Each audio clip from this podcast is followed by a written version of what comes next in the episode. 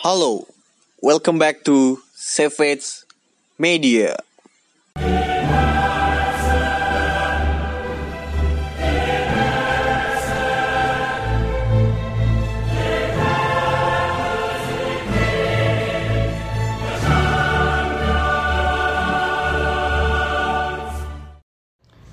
Yuk, balik lagi sama gue Fikri di Savage Football Podcast. Pada kesempatan kali ini, gue bersama dengan Kayak biasa Raditya Gian Algifari yang suaranya hadir mulut bulan ini. iya, karena eh, kesibukan membuat kami akhirnya sering muncul lah ya, lebih sering muncul ketimbang Iya, iya. yang lain gitu. Oke, lanjut aja. Kita saat ini akan membahas tentang preview Champions League. Kita udah nyampe babak 16 besar. Udah nyampe di babak 16 besar nih. Hmm. Jadi menurut kita berdua memang sudah waktunya kita memberikan preview dan kalau sempat memberikan review Betul. untuk Champions League musim ini. Dan semoga aja nanti reviewnya udah di YouTube ya, Yoi. gitu. Jadi Pantengin aja ntar. iya, kita lihat aja perkembangan kita nantinya. Tapi subscribe dulu dong. Iya. Nah. Di Savage Football TV. Iya, oke bakal ngomongin soal Juventus, eh Juventus, Juventus, Tottenham, Atalanta. Leipzig dan Atalanta Valencia nih. Kita bahas yang mana dulu nih. Atalanta Valencia aja dulu. Karena pasti lama. Karena pasti lama. Tapi kayaknya lebih asik kalau kita bahas Tottenham dulu, tim Inggris dulu lah. Oh gitu. Tim Inggris ya. Spurs. Spurs lawan RB Leipzig. Spurs lawan RB Leipzig.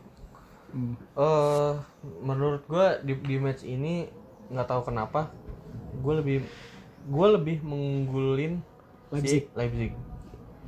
Apalagi per- pertama yang di kandang mereka kan. Enggak, pertama main di- di, di- London dulu. London dulu. Hmm.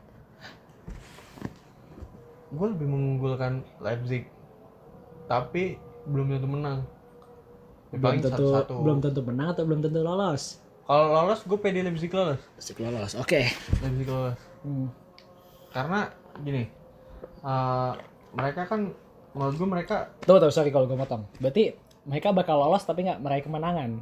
Di London Ba- maksud gue bakal lolos dengan dengan cara away goal. enggak Seri. enggak enggak, enggak. Mena- menangnya menangnya di Jerman Kemenangan di Leipzignya ya. Heeh. menurut Oke, gue oke. karena alasannya adalah eh, mereka menurut gue tim yang menjanjikan dengan sederet pemain-pemain muda dan pelatih muda terus apalagi nggak takut lawan tim gede. Dan bermain atraktif. Itu yang paling Mhm. penting tuh. Mm, jadi cuma orang ngaco aja yang bilang Leipzig main defense. Kecuali memang kecuali memang kondisinya waktu kayak lawan Bayern tuh. Hmm. Lawan Bayern Tapi yang kosong Bayern kosong. aja di musim ini udah tanding dua kali. Itu bisa jadi tanding bang loh. Hmm, Kandang tandang tuh. iya. Yang di kandang kemarin terbaru 0-0. Waktu main di Leipzig. 0-0. lupa pokoknya seri deh kalau nggak salah deh. Gak tahu Oh deh, iya iya gue iya. lupa. iya. Seri Iya, kan tapi tapi ada golnya. Tapi Ada golnya, iya. Lupa gue juga. Nah, menurut gue tuh dari dari sini tuh kalau menurut gue Spurs ini di bawah Mourinho ini masalahnya masih di gol ya. Betul. Go- golnya tuh nggak menentukan gitu loh. Ya lu ngegolin, Hmm. tapi itu nggak kayak ngegolin terus mental lawannya down terus habis itu kalah gitu enggak. Justru menurut gue Spurs semenjak dipecat ya Pochettino-nya Hmm, kayak nggak ada perkembangan sih. Gitu-gitu aja. gitu-gitu aja Bahkan dari yang gue baca di berita-berita ya, pemain-pemain Spurs sendiri pun katanya ya, Hmm. pada ngeluh sama metode latihan Mourinho. Karena usang Pertama usang, Hmm. kedua main kebanyakan main long ball, Hmm. sama udah kayak itu doang sih. Terus katanya Mourinho tuh, oh iya udah ketinggalan zaman taktiknya. Hmm. metode latihannya juga pasti sih Iya. menurut gua hmm, udah ketinggalan zaman dan apa namanya Leipzig menurut gua datang dengan se- secercah harapan ke London karena menurut gua mereka lebih nating tulus sih ketimbang Spurs Hmm. Dan kalau Leipzig ini dan kalau kita lihat secara ambisi ya, Leipzig ini nih secara ambisi menurut gua lebih punya ketimbang Spurs. Hmm. Gue paling Spurs musim ini kayak ngejar apaan sih? Premier League peringkat 6 sekarang kan, Hmm. kalau nggak salah. Di Champions League ya mungkin mereka juga bakal mikir, oh gue bakal lawan Leipzig nih kayaknya bisa lah gue lewatin. Tapi setelah setelahnya gue nggak yakin sih mereka kayak punya ambisi lagi. Hmm. Nah sementara kalau Leipzig ini kan kita tahu lah mereka baru promosi ya 2016 kan kalau nggak salah 2016 baru promosi. Sekarang mereka juga ibaratnya tuh klub yang benar-benar baru baru-baru menjadi apa mau menjadi raksasa. Ya kayak Atalanta lah jatuhnya lah. Hmm. tapi Leipzig ini lebih menarik sih menurut gue dia bermain efektif juga secara permainan menghibur dan punya beberapa materi pemain yang sebenarnya nggak main-main juga sih.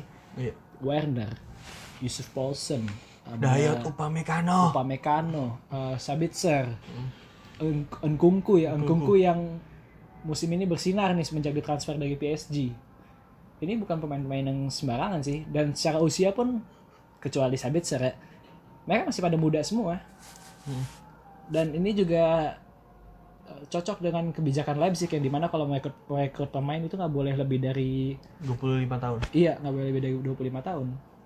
Dan yang jadi pertanyaan adalah apakah Mourinho nanti bisa menghadapi para para pemain-pemain muda ini? Dan gue bukan meragukan Mourinho ya, tapi Mourinho itu tuh menurut gue masih buta banget sama kekuatan Leipzig. Hmm. Iya nggak sih? Iya. Emang dia pernah berhadapan sama Nagelsmann. Nagelsmann, Werner, uh, Paulsen dan yang lain-lainnya? Gue yakin nggak pernah sama dia. Iya. Dan ini juga jadi salah satu poin plus buat Leipzig sendiri nanti. Menurut gue laga ini bakal berakhir imbang atau satu-satu atau dua-dua ya di London ya. Pokoknya week perta week eh week leg pertama ini gue yakin banyak yang imbang sih. Leg pertama ini Iya. malah gue lebih yakin banyak yang imbang. Banyak menurut boring game sih. Malah Soalnya gua- jedanya pun kan Maret, ketemu baru ketemu lagi Maret kan. Iya. Bahkan menurut gua pada bakal manfaatin pas main di leg kedua kan. Hmm. Apalagi yang tim-tim unggulan ya, karena kita tahu yang tim-tim unggulan tuh baru pada main di home pas leg kedua. Hmm. Ya, apalagi kalau yang masih dimain di Piala Liganya. Hmm. Pasti ngamanin Piala Liga dulu. Maksudnya ya gue bisa nahan nih segini. Ya udah. Iya benar. Hmm.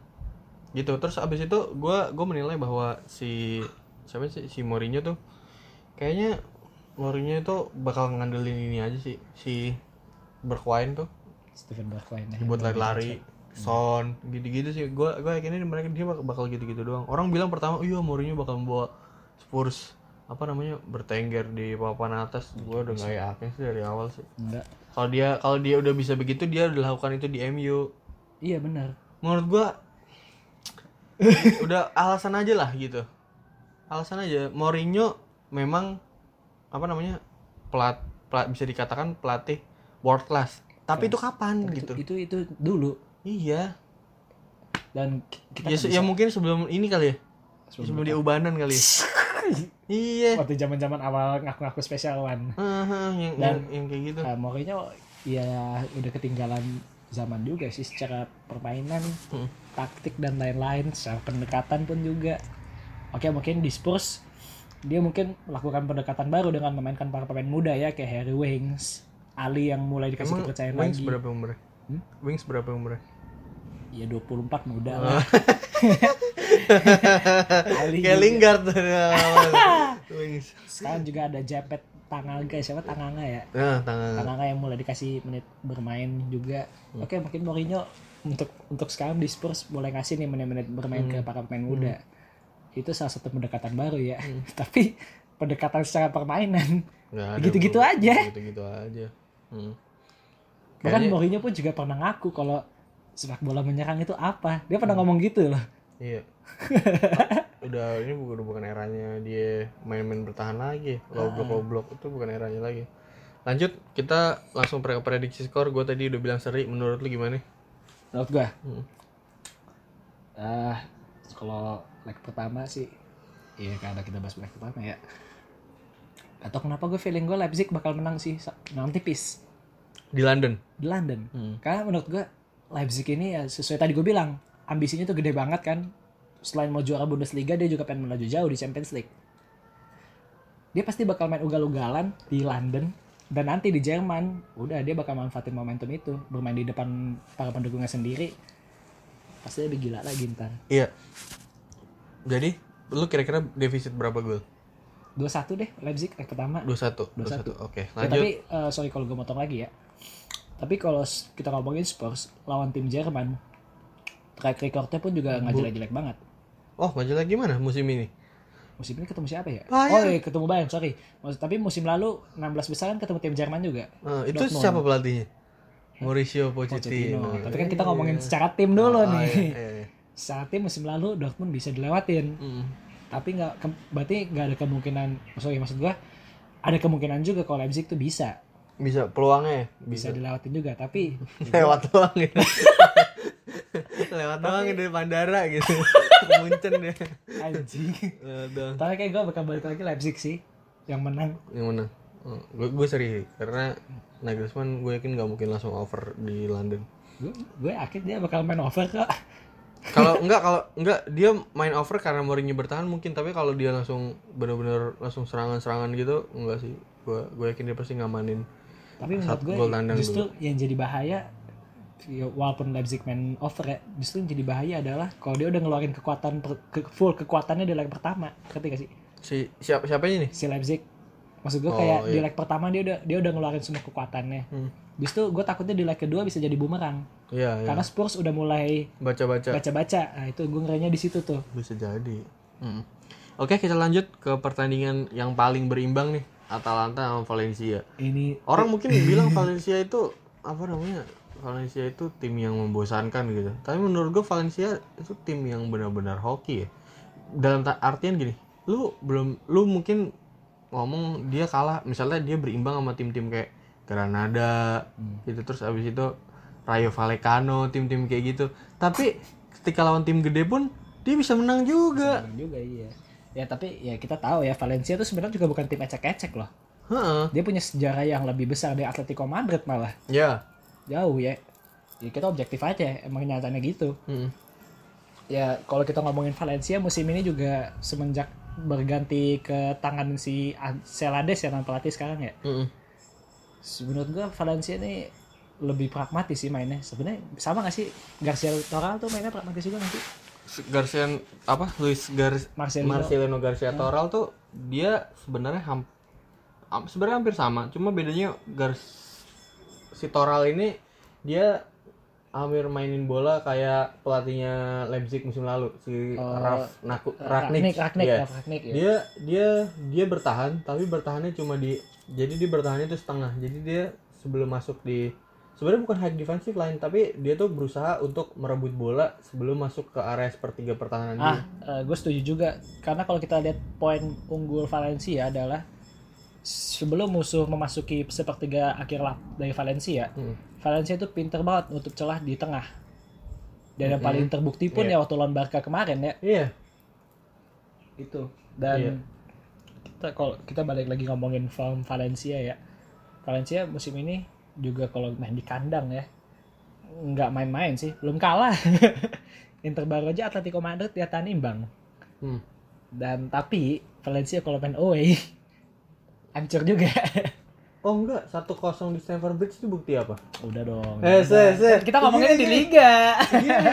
loh ini kan UEFA Champions League Ya udah bukan dah. La Liga gitu Sebenarnya gue gak mau ngomongin yang champion karena gue malu nih kalau ngomongin iya, iya. Chelsea. karena karena gini Valencia itu tim yang kita bisa katakan mainnya membosankan tapi hasilnya nggak bisa kita duga Iya.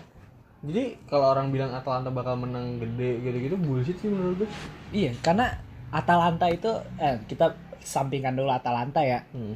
balik ke Valencia Balik aja ke Valencia dulu ya. Kalau kita ngomongin form Valencia di Champions League, main away pun dia dua kali menang away. Dua kali atau tiga kali ya lupa gue. Dua kali ya. di Ajax Ajax, Chelsea. Enggak, lawan oh ya dua kali. Ajax sama Chelsea. Dia waktu lawan Lille itu seri deh kalau nggak salah. berarti tiga dong Hah? berarti menang dua kali dong Menang dua kali. Iya Ay, di, gua di, di. London sama di Amsterdam Iya kan tadi gue Oh, bilang iya. menang dua kali. Iya. Hmm. Eh. emang seri di Lille Gue gua, lupa dah. Seri sih singkat gue. kayaknya sih pokoknya dia nggak pernah kalah deh eh iya nggak pernah kalah Valencia nggak pernah kalah Aduh, gue lupa dah. pokoknya hitungannya kira-kira begitu lah Iya kayak kayak hitungannya gitu dah. Dan, pokoknya yang jelas dia menang di London sama Amsterdam iya dan kalau Valencia ini sih maksudnya musim musim ini lagi kehilangan Guedes ya cedera kan. hmm. Tapi ada Paxi Gomez pemain baru. Hmm. Ya, secara peran pun signifikan banget peran untuk Valencia musim ini. Ditambah dia duet sama Gamero atau enggak sama Rodrigo, ya biasanya. Rodrigo Rodrigo Moreno. Hmm. Dan di tengah juga ada pemain yang benar-benar underrated menurut gua. Parejo. Parejo Parejo nih duet sama Kondobia ya. Hmm. Ini nih menurut gua dia dua pemain ini nih terbukti banget menjaga keseimbangan lini tengah dari Valencia. Nah, kalau ngomongin si Parejo sama Kondobia, menurut lu, kalau gue bilang, kan ini kan udah ada sesi baru nih, controversial opinion. Ini menurut lu kalau misalnya gue ngomong Parejo sama si Kondobia itu masuk top kelas La Liga lokal tapi dia termasuk stopper terbaik salah satu stopper terbaik tapi kelas La Liga menurut lu setuju Kalau La Liga ya kalau La setuju. Liga setuju Tapi kalau world class ya enggak. enggak emang enggak kalau lo- lokal setuju sih gue Soalnya setuju banget gua. Hmm. Balik lagi kali ya. kita ke Atlanta aja Nggak, Valencia lagi nih. enggak karena udah segitu aja gitu Valencia. nah, kalau Atlanta nih Eh ini ini paling menarik sih. Karena menurut gua kalau ngomongin Atalanta nih dia pasti banyak orang yang tertarik juga. Oh, Atalanta ini memang dia menang dari banyak gol ya. Tapi menurut gua Gasperini itu bukan pelatih yang punya banyak plan. Betul. Karena ya kita kalau kita lihat filosofi Gasperini juga mending kita kebobolan banyak dan bisa cetak banyak gol kan. Hmm. Kan filosofi dia kayak gitu. Ya oke itu emang udah terbukti Atalanta 3 atau 2 3 atau 2 musim terakhir golnya itu udah banyak banget. Bahkan musim ini pun di Serie A jadi gol terbanyak kan. Kalau nggak salah ya. Hmm. Jadi gol Salah sa- ya mungkin lah. Iya, gua dia- gua nggak tahu statistiknya. singkat gue sih di Serie A tuh dia gol terbanyak musim ini dan balik lagi kalau kalau ngomongin Gasperini ya menurut gue juga nggak ada plan sih maksud gue gitu-gitu aja Hmm. ya plan lu cuma ya udah lu pegang bola dari tengah main nyerang aja udah terus-terusan gitu-gitu aja dan kadang pun dia bahkan nggak nyadar kalau lini belakang dia tuh masih bapuk Iya. Iya dan menurut gua ini benar-benar bisa dimanfaatin sama Valencia sih betul apalagi Valencia kalau main counter attack itu cepet banget Kalau menang 2-1 di Italia mungkin nggak kata lu menang Valencia? Mungkin gua. menurut gue mungkin banget Mungkin sih banget. mungkin banget sih menurut karena gini loh oke Valencia secara main away di La Liga ya ya emang jelek tapi kalau main di Champions League nih kayak ada aura berbeda gitu Iya. ngerti gak sih Ya. terbukti udah di Chelsea menang di Ajax juga menang Menang. ya nggak nggak menutup kemungkinan di Atalanta bakal menang juga Gua menang juga.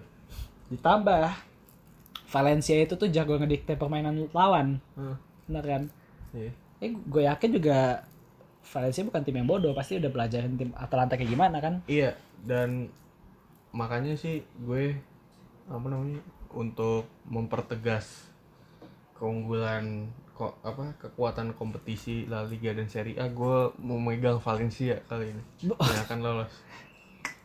Ah, so- sorry kayak tapi kalau gue sendiri gue bakal megang Atalanta sih. Atalanta yang lolos. Ya meskipun agak berat juga ya, karena kalau kita ngomongin pengalaman jauh. Mm. Atalanta itu masih tim ayam sayur di Liga Champion, sementara Valencia udah tim yang berpengalaman, ya kan. Ot- Otomatis Valencia harusnya ya lebih bisa menganda, menghadapi pressure saat di Liga Champion. Ya karena kita tahu kan tekanan saat bermain di lokal dan di Eropa itu beda. Poin plus Valencia adalah ini. Nah, sementara kalau untuk Atalanta sendiri, kita tahu kan kalau dia tuh tim yang super atraktif, Hmm. bermain super menyerang, ngebut-ngebutan, Hmm. galau-galan. Tapi di dari keunggulan itu mereka punya kelemahan itu lini belakang. Lini belakang mereka menurut gua bener-bener parah sih. Hmm. Tapi Sedikit, tapi nggak terlalu disorot karena mereka mencetak banyak gol. sedikit catatan eh, Atalanta adalah salah satu tim yang bisa lolos tapi udah kal udah nggak berhasil meraih poin di tiga laga awal Kenapa sorry? Apa? di, di fase grupnya dia oh iya bisa benar benar. lolos Salah satu tim itu ya. Iya bener loh. Dia dua tiga pertandingan awal dua kali kalah, tiga kali kalah malah. Iya kan nggak bisa meraih poin. Iya benar benar. Hmm. Sorry sorry bisa sorry. meraih poin iya karena ya memang mereka nggak mentingin defense. Mereka kalah berapa kosong sih sama City di pertemuan pertama? Lima. lima kosong tuh. Itu Lima kosong. bukti waktu di Etihad diobok-obok tuh dia tuh. Atalanta. Itu Kevin main nggak? Kevin main nggak? Main Lupa ya ya. kayaknya. Lupa dah. Setingat gue sih yang main tuh Foden deh. kalau. Foden lima kosong. Iya, seingat gue Foden yang main. Ah, gimana lawan Dani Pareho? Bentar, bentar, gue gue cek dulu ya. Wah, kalau lawannya Dani Pareho tuh bisa 10 kosong Anjir. Dani Pareho. bentar, bentar, gue cek dulu. Waktu waktu yang 5-0 ya? Eh 5-1 maksud gue, sorry. Satu. Yang main di tengah City. Di tengah siapa? ya? Oh, ada ada De Ada Bruyne. Kevin. Kevin De Bruyne, Gundogan, Phil Foden. Hmm. 5 kosong. Dan kalau ngomongin Atalanta, balik lagi ke Atalanta ya. Lini belakang mereka nih secara nama ya, gak ada yang tahu juga sih orang. Gue tanya dah malu dah. Tahu gak sih lu Rafael Tolo itu siapa? Enggak. Gak tahu kan? Enggak, gue baru tahu sebelum tag ini doang sih. Hah? gue baru tahu sebelum tag ini dia orang Itu kan karena gue bilang. iya dia orang Brazil iya baru tahu gue Jimmy City tahu nggak? James City tahu nggak siapa? enggak Back timnas Albania, nggak tahu kan? enggak itu apa namanya pemain-pemain yang sangat tidak terkenal dan kualitasnya biasa banget anjir cuma Iya, cuma bisa bu- buat lap ke depan doang Hmm. Dan kalau kita balik lagi ngomongin di belakang Atalanta, secara nama oh, udah jauh banget emang. Di- Ketimbang Valencia ya yang ada Garay sama Paulista. hmm. Eh, ditambah lini belakang Atalanta eh, pemain senior dan kapten mereka kapten ya atau lupa gua pokoknya pemain senior dah si Masiello itu baru pindah tapi eh, ditutupi dengan kedatangan Mattia Caldara ya. Caldara, iya. Caldara dari Milan itu jadi salah satu angin segar juga sih ya tapi datangnya Caldara pun juga nggak jadi jaminan karena Caldara juga kita tahu sempat cedera panjang dan ini baru baru sembuh kali musim ini Hmm. dan prediksi gue adalah kayak bakal diobok-obok sih Atalanta nih kalau itu pun kalau Atalanta main ugal-ugalan ya kayak bakal oh diobok- pasti kan ini di Itali dulu kan Hah? di Itali dulu kan iya hmm. menurut gue Atalanta bakal diobok-obok balik sih sama Valencia kalau main ugal-ugalan Hmm. Karena ya yang sesuai lo bilang tadi Valencia kalau main counter attack itu ngeri banget. Hmm. tiba-tiba tiba-tiba ada depan gawang aja. Iya. Kiper lu udah ada pada pas satu lawan satu nih tiba-tiba gitu. Iya. Kayak ah, gue lupa kan. Biasanya Maxi Gomez sih yang iya kayak tiba-tiba kayak lawan Onana itu tiba-tiba udah di depannya Onana. Iya. Iya. Dia menang aja. Iya Rodrigo Moreno aja yang menurut gue pemain biasa banget aja kepake. Ya eh nggak pakai di situ ya menurut gue sih ini kayaknya Valencia bisa unggul sih. 2-1 lah. Gue Valencia gue Satu. pas main di Mestaya di Mestaya menurut gue 2-0 menang Valencia. Oke, ya di Mestaya ntar aja sih kan kita bahas yang leg pertama oke. Ya. lu gimana? Apanya? lu gimana menurut lu? Main di leg pertama main di Milan dulu. Oh ya, kenapa main di Milan? Karena Atalanta di UCL mainnya emang di Milan kan kandangnya. bukan di Bergamo kan? Nggak, katanya stadionnya tuh kayak belum memenuhi, memenuhi syarat. kriteria. hmm. Dan menurut menurut gua pas leg pertama di Milan itu ya kita tahu Atalanta pasti bakal ugal-ugalan. Bakal full nyerang mainnya. Ya gua gua sih balik lagi kalau menurut gua 2-1 tadi. Gua bilang tadi awal 2-1 kan Valencia menang. Hmm. Gua gua bakal bilang Valencia menang 2-1 sih. Hmm. Ya karena ya Valencia pertama Kat, tunggu katanya lu milih Atalanta yang lolos. Lu lu bisa comeback gitu di Mestaya? Kan ngomonginnya menang dulu, lolosnya Atalanta. Oh. Makanya gue bilang nanti di leg kedua baru. Oh, leg kedua di iya. Ya, kan? iya dah. Cukup dua kosong. Oh gitu. Kira-kira nih gambarannya gitu. Kan tadi kan lu oh, nanya oh, iya. siapa yang menang dulu kan, iya, yang lolos. Iya iya iya iya. Iya iya. Ya benar gak? Uh -huh. ya, tapi tapi gimana caranya lu mau menang? Tapi lu di kandangnya lu udah udah, kaobok-obok gitu Bisa-bisa aja. Ya mana coba tahu tadi leg kedua menang 2-0 kan. kita, kita lihat saja Kita lihat aja. lihat saja terus Ya udah atau enggak ya tipis-tipis dah. Menang menang 1-0 dah Valencia. Hmm? Tadi leg keduanya Atalanta menang 2-1 kan unggul tuh gol ya, bisa jadi bisa jadi kalau itu bisa aja. jadi Di bawah ribet anjing. ya udah gimana lagi pendapat lu deh Apalagi ya. Kayak ah ini yang menarik sih kalau ngomongin lini depan Atalanta ya. Hmm. Ya kita tahu lah ada Ilicic, Zapata. Tapi menurut gue nama-nama kayak dua pemain itu nggak jadi jaminan juga sih untuk menang di leg pertama. nggak jadi jaminan lah kan gini Tapi jaminan untuk lolos ada.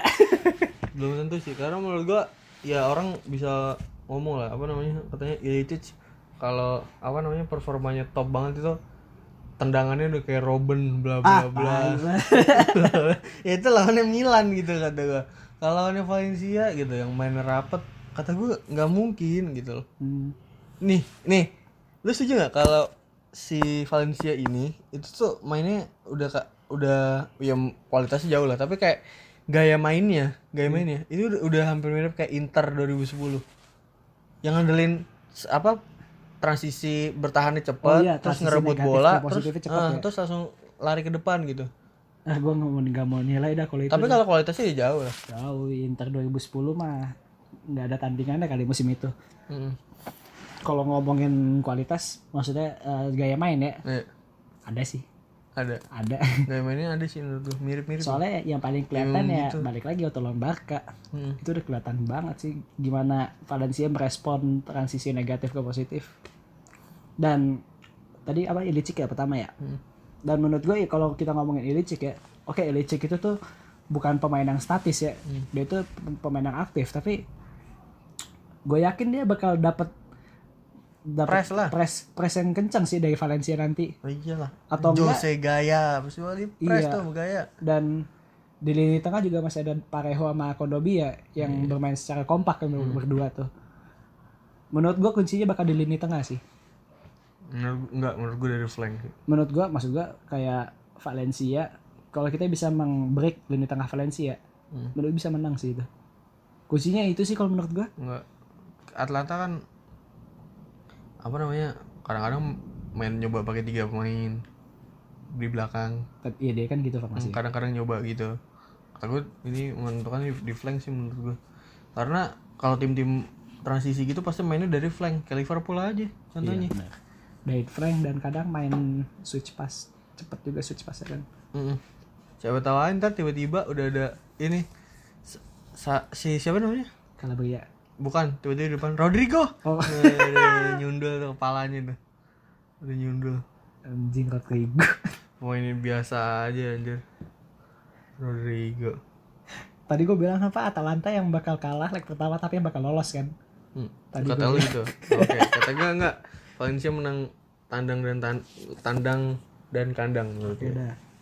Sebenarnya sih gue menilai gini Atalanta bakal lolos karena gengsi aja sih. Karena gue lebih suka Liga Italia makanya. oh gitu Tapi- enggak sih Eh? gue objektif aja gitu Objektif aja. Ya kalau mau objektif sih menurut gue Valencia lebih punya peluang. Hmm. Ya balik lagi dia punya pengalaman pertama. Hmm. Kedua Valencia juga lebih kayak strategi ketimbang Atalanta. Tapi gue sih kalau gue sendiri ya pengennya Atalanta aja yang lolos. Nah. Coba kita lihat nanti. ya kita lihat aja gitu. Iya. Valencia menang 2-1. Atlanta mungkin bisa menang ya di match saya tapi cuma 1-0 gitu. Udah dah. Hmm. Kita lihat aja ntar. lihat, Kita taruhan aja mau nggak?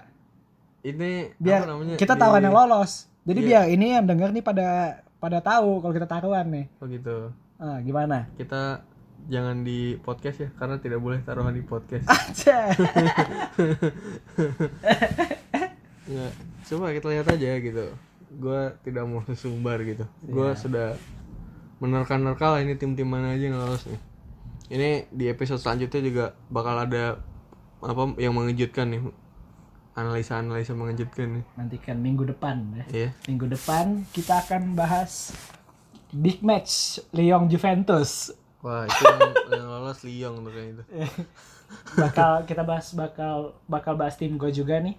Chelsea lawan Bayern. Ya, itu itu ini sih kayaknya Chelsea masih ada peluang sih. Hmm, tapi menurut gua ah, ntar dengerin minggu depan aja dah. Oke, Terus iya. kita bakal bahas Napoli Barca dan yang terakhir ada Real Madrid dan lawan Man City yang kayaknya musim ini bakal lebih all out untuk juara. Iya. Oke. Di situ aja. Gue pikir pamit. Gue Gian cabut juga. Sampai jumpa di episode selanjutnya. Dadah.